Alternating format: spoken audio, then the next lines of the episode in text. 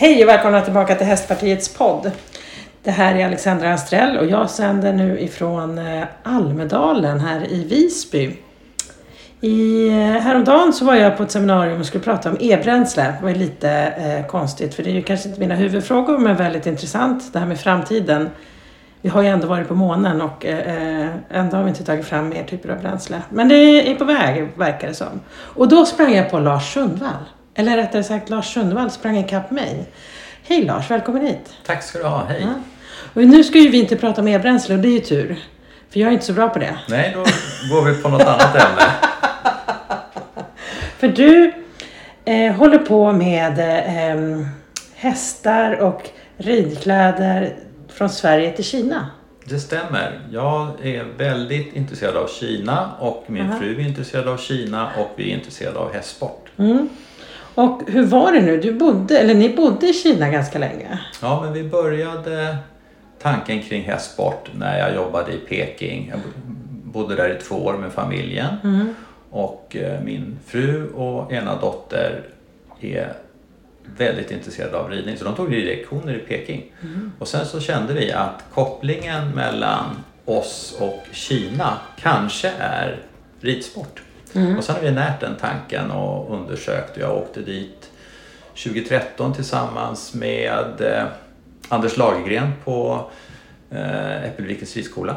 Så vi var där och tittade lite han och jag. Mm. Och sen så har eh, min fru och jag åkt tillbaks till Kina en gång per år och var med på en hästmässa. Mm. Men alltså man ser ju kanske inte direkt, ja det kanske är Djingis khan eller något sånt där borta på muren eller så. Men, men hur stor är ridsporten i Kina? Man kan ju bli överraskad då när man står på den här eh, mässan. Nu har vi inte varit där på några år för den har inte varit aktiv. Mm. Och jag tror inte det blir någon mässa i år heller verkar det som. Men jag har pratat med hästägare, precis som du och jag sitter och pratar nu, som mm. säger att jag har tusen hästar.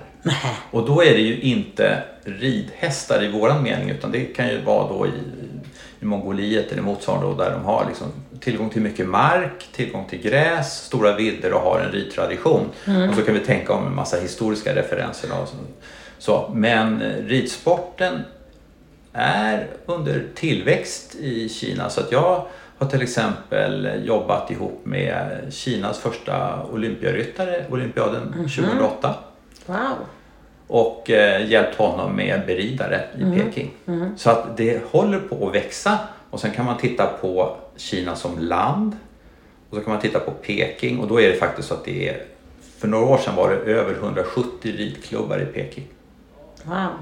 Men jag tänker, är det, har de ridskolor också som jag har i Sverige? De har inte ridskolor i riktigt samma anda men det finns privata personer som har ridanläggningar. Det finns privata personer som har ridanläggningar för att utbilda andra eller för att de har kanske någon i familjen som är väldigt hästintresserad. Och så finns det ridanläggningar för mera professionellt bruk där man själv sats, gör en elitsatsning mm. eller, eller har en uppfödning. Så att i mångt och mycket finns det i Kina allting kanske utom avelsanläggningar då, men det satsar de också på utbildningsmässigt. Mm. Men de mm. har en mängd brister eftersom landet har ju haft en, en komprimerad utveckling. Så till exempel veterinärer, hur många finns det i Kina som är veterinärutbildade? Mm. Räcker det? Och så vidare och så vidare. Men, men eh, flera, jag tror att Tyskland och Frankrike har sålt hästar, elithästar till eh, Kina sedan slutet på 90-talet åtminstone och exporten är ganska stor så att det är tusentals hästar som säljs från Europa till Kina varje år. Finns det någon urtypisk kinesisk häst? Det finns, precis, det finns flera. Jag har ingen bra detaljkunskap om dem men jag vet att han som jag har jobbat ihop med då i eh, Kina han valde att göra sin utbildning för yngre ridskoleelever på kinesisk hästavel. Mm. Alltså inte på linjer från Europa utan på ursprungshästar från Kina. Så att det finns mindre och tåligare hästar i Kina medan mm. våra som är lite större då finns inte. Okay. Utan de är importerade och avlas på mm. antingen lokalt special eller så köper man in varje häst. Mm.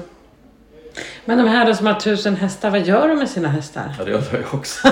ja, men det är, jag tror att det är som ett bankvalv. Jaha, Det är en förmögenhet, det är en familjetradition.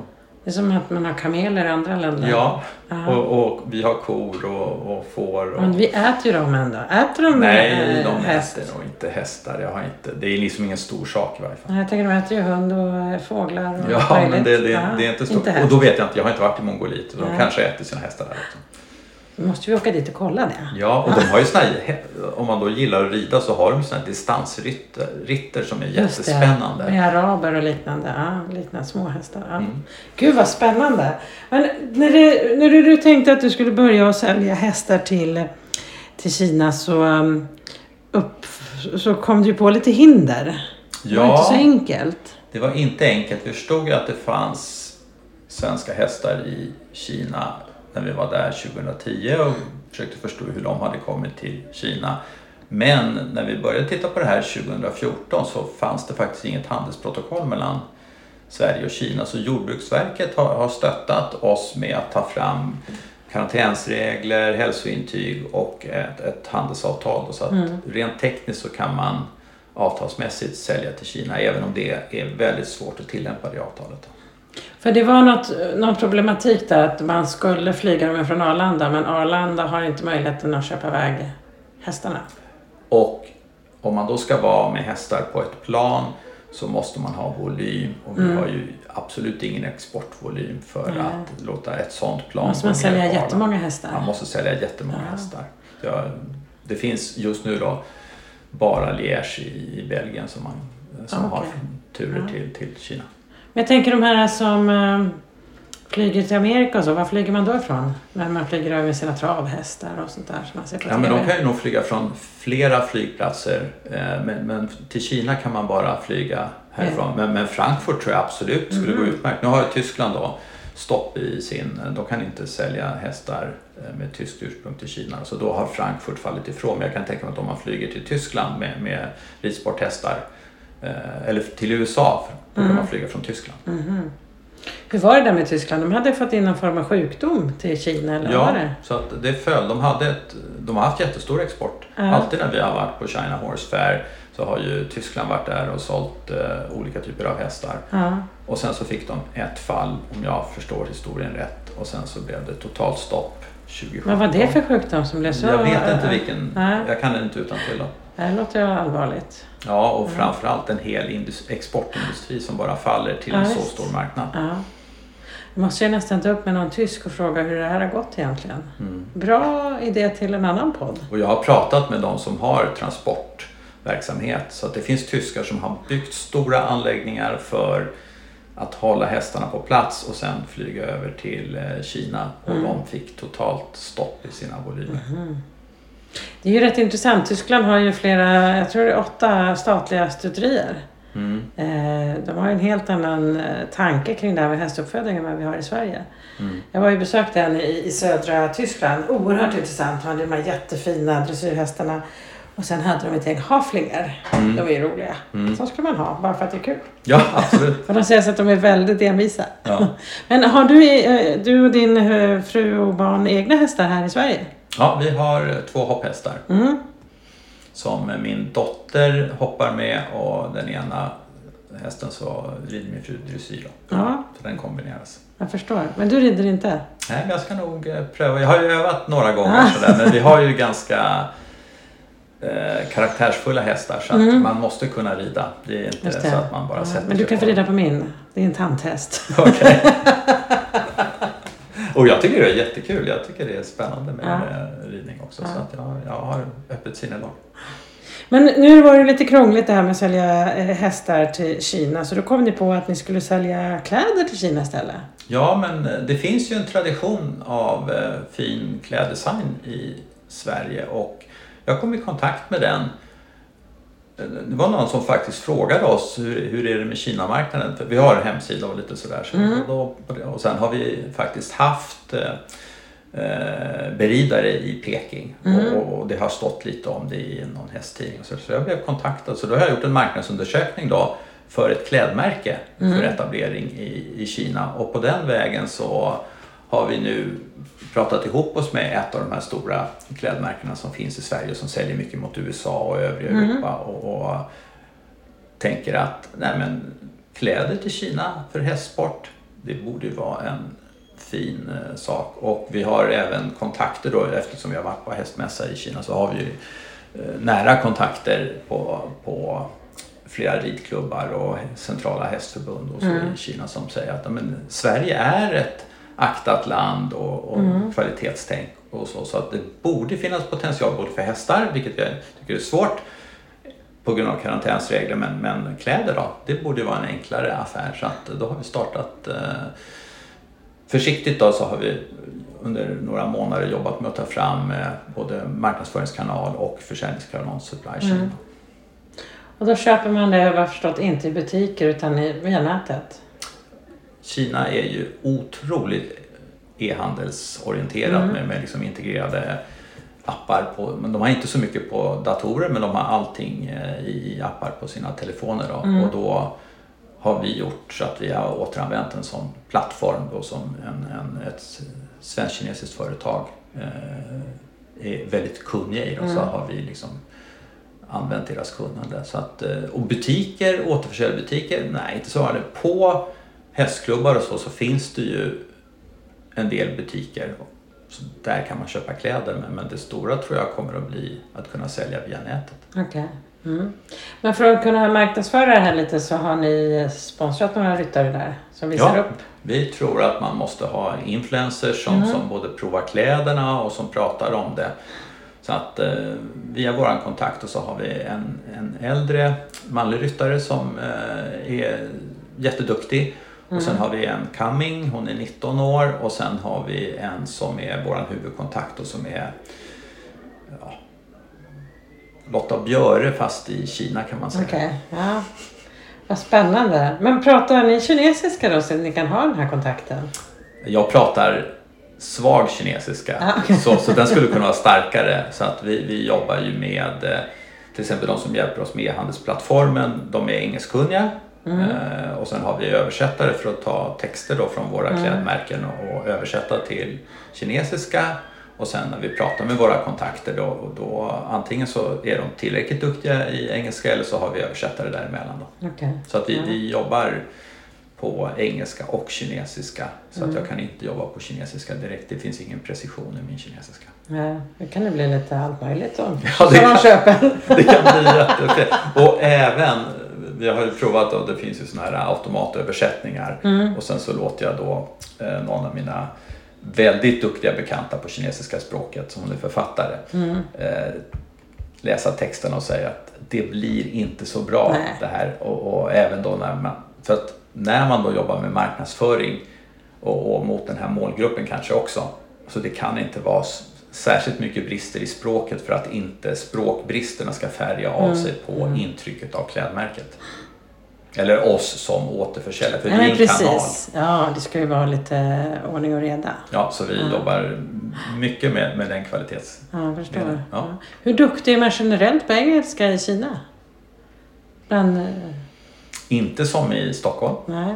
Eh, Men eh, man har ju varit väldigt ambitiös på att sätta små barn i, i skolan Mm. tidigt. Nu har Mm. de faktiskt tagit bort de stöden så att eh, det kommer säkert att komma generationer nu som är mycket svagare. Jaha, varför har man gjort det? Ja, jag vet inte. Tycker att vi i västvärlden är lite bråkiga kanske? Nej, men jag tror att det fanns nog stödsystem för en mängd utbildning Mm. och då åkte engelskspråkigheten tillsammans med en massa andra Mm. förberedande Mm. Mm. ersättningar bort och då föll hela den branschen. Mm. Men annars skulle jag säga att, att de tycker att det är viktigt att, att ta små barn och nu säger små, alltså 5-6 års åldern började Mm. man plugga engelska i för att bli bra om man då hade föräldrar som hade den ambitionen. Och nu hade det nog fallit lite. Okej. Men, men, men eh, i Peking, alltså first tier cities, Peking, Shanghai och några till, då är ju engelska mycket viktigare. Men alltså om det blir second tier eller third tier, som är då mindre kända städer i, i våra länder, där är ju inte engelska på samma sätt Nej. en kanal. Men sen de som är duktiga är ju väldigt ambitiösa i Kina. Så att Mm. det finns ju man kan tänka sig någon mellan 20 och 35, väldigt duktig på engelska i, i en storstad. Ute på landet så undrar de vad är det för något? Ja, jag förstår. Du, när jag var i Kina, i Peking för, jag kommer inte ens ihåg, väldigt länge sedan. Det var innan OS. Eh, så fick jag lära mig att man, man undervisade svenska på universitetet. Och det var liksom svenska, men jag kommer inte ihåg, det var svenska, engelska, franska eller tyska någon av dem. Eh, det tyckte jag var så märkligt. Men de sa ju det, det var ju för att vi hade så många stora svenska företag på plats. Mm. Eh, och det tyckte jag var kul ändå. Och vi fick en guide som hade utbildat sig på universitetet som eh, guidade oss när vi var i Peking. Och då fick vi också besöka universitetet. Fantastiskt goda dumplings på den där, eh, vad det nu kallas, kantinan på, på campus där kommer jag ihåg. Men eh, det som var roligt som de gjorde då, jag vet inte hur det är nu, men då om man gick och läste svenska då fick man också byta namn om man ville. Så att han som var våran guide, han hette Per Dong. Jo men de gör ofta så äh, även, äh, det behöver ju inte vara mot Sverige Nej. utan rent generellt så gör de ett tilläggsnamn då som kan antingen vara engelsk liknande eller något annat om det är ett land som, som ligger dem nära till hands. då. Så att de gör ett tilläggsnamn. Ja. Har du något kinesiskt namn? Har du gjort likadant? Ja, men det, det är ju liksom tonalt lite lika då. Så Mm. Okej. att det, vi har liksom inte hittat på något udda namn utan vi Mm. har tagit något ord som, som liksom låter lite som mitt namn. Mm. Vad heter häst på kinesiska då? Kan du dela? Ma, Alltså? ma. Ma. Mm. Det var ju ganska enkelt. Ja, det, det. det som är svårt eh, är ju att bokstaven M och A Ja, kan betyda flera saker. okej. Så att det är tonaliteten hur man säger Ah, ma, ma, ma, Mhm. ma. Det betyder fyra olika saker där. När jag sa de så. Så man Så- kanske inte köper en häst utan man kommer hem med en väska? Ja, det är jätte... Det, man, man kan säga mamma. Det, mamma låter ju lite... Okej. Och arg är samma sak och Ah. hampa är samma sak. En arg häst. Ja, vad spännande, vad roligt. Ja, och nu då, eh, hur har- länge har ni hållit på med det här med kläderna? Vi började försöka få igång en platt, eller leta efter en plattform eh, för ett år sedan. Mm. Och hur går det då? Nej men det går bra. Vi har fått fram en plattform. Vi Mm. har fått fram första marknadsmaterialet som vi har Mm. översatt till kinesiska med bilder och så. Och sen har vi kontrakt med en leverantör som vi kommer att att hjälpa och så har vi diskussioner med en annan leverantör får vi se om, om de också är intresserade. Och så Mm. letar vi efter, för ridsport är ju stort bland kvinnor i Mm. Sverige. Det är väldigt stort bland män i Kina då, så att vi Mm. skulle behöva hitta ett ridsportmärke med eh, ridkläder för män som vi också Mhm. lyfter till Kina. Nu har vi Mm. för kvinnor. Då kanske du får ge ner till Tyskland eller Belgien. Alltså Nederländerna har väldigt mycket herrar va? Ja, men då får vi leta efter det. Ja. Så ni är liksom tratten emellan här? Ja, men vi är en marknadsföringskanal. Vi försöker hitta märken som vi känner att vi vill Mm. representera och som vill bli representerade av oss. Och sen så, eh, ja, helt enkelt eh, ha en plattform i Kina Mm. och plocka in förhoppningsvis då, antingen direkt skicka till, till Kina från Mm. svenska lager eller på sikt då när vi får upp volymerna ha lager i Kina då Mm. och sälja från en, en, ett varulager i Shanghai och så distribuera Ja. över landet. Jag tänker, man tänker ju ändå när man tänker på Kina och kläder att det är liksom Kina som producerar och skickar hitåt. Ja, Känns det inte lite konstigt att, att skicka ditåt? ja så att Kanske en del saker redan är sydda där? En del saker har vi ju förstått är sydda i Kina Ja. och då får vi ta dem direkt från Kina. Det är mycket bättre. Mm. Och sen finns det en del som görs i Indien. Men egentligen så är vi ju också intresserade av, av eh, kvalitetskläder då, som kanske är sydda i Europa för att Mm. sälja dem i Mm. Kina. Och då passar det också bra för kundgruppen som vill ha kvalitetskläder.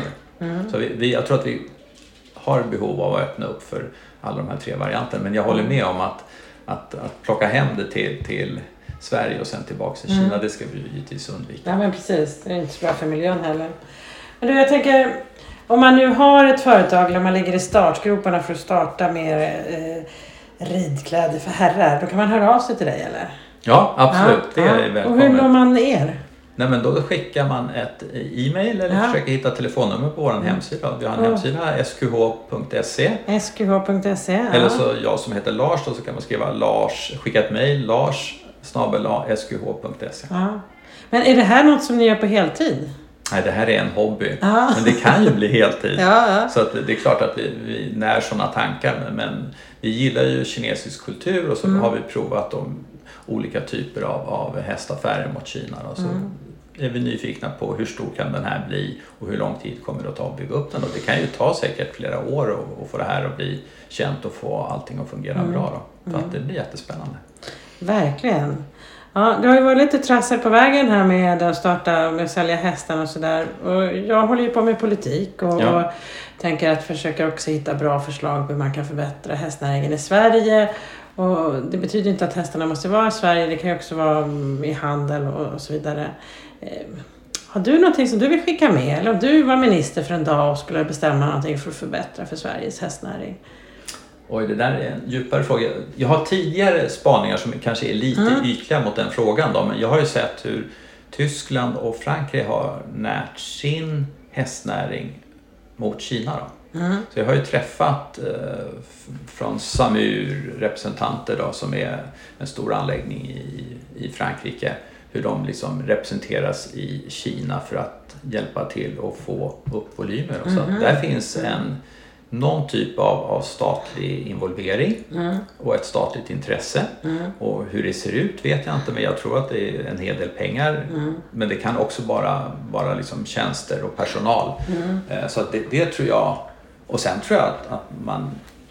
Det är intressant att vara här och bara berätta om att den här möjligheten finns och Mm. att berätta att det finns intresserade köpare i Kina. Och sen hur vi kopplar ihop det här med, med utmaningar, det tål ju att bändas lite i. Alltså Mm. ju, ju hetare frågorna blir desto närmare måste man komma i lösningar. För att när man har då en köpare åt gången som vi har haft, en köpare åt gången, en köpare, då, då får man liksom inte momentum när det är svåra strukturella problem då som till exempel att flyga ut hästar via Arlanda om man inte har volymer. Det finns ju inte ett flygbolag som, som eh, lyssnar på det här. Nej. Och, och motsvarigheten är ju också att de stora flygbolagen är ju också begränsade av vilka plan som de kan ta ner i Peking. Så att det är liksom enorma strukturella aspekter när man inte har volymer som driver affärer. Så får man upp volymer som driver affärer då kommer det bli andra resonemang. Och då kanske man kan samarbeta med något annat land, vad vet jag. Mm. Mm.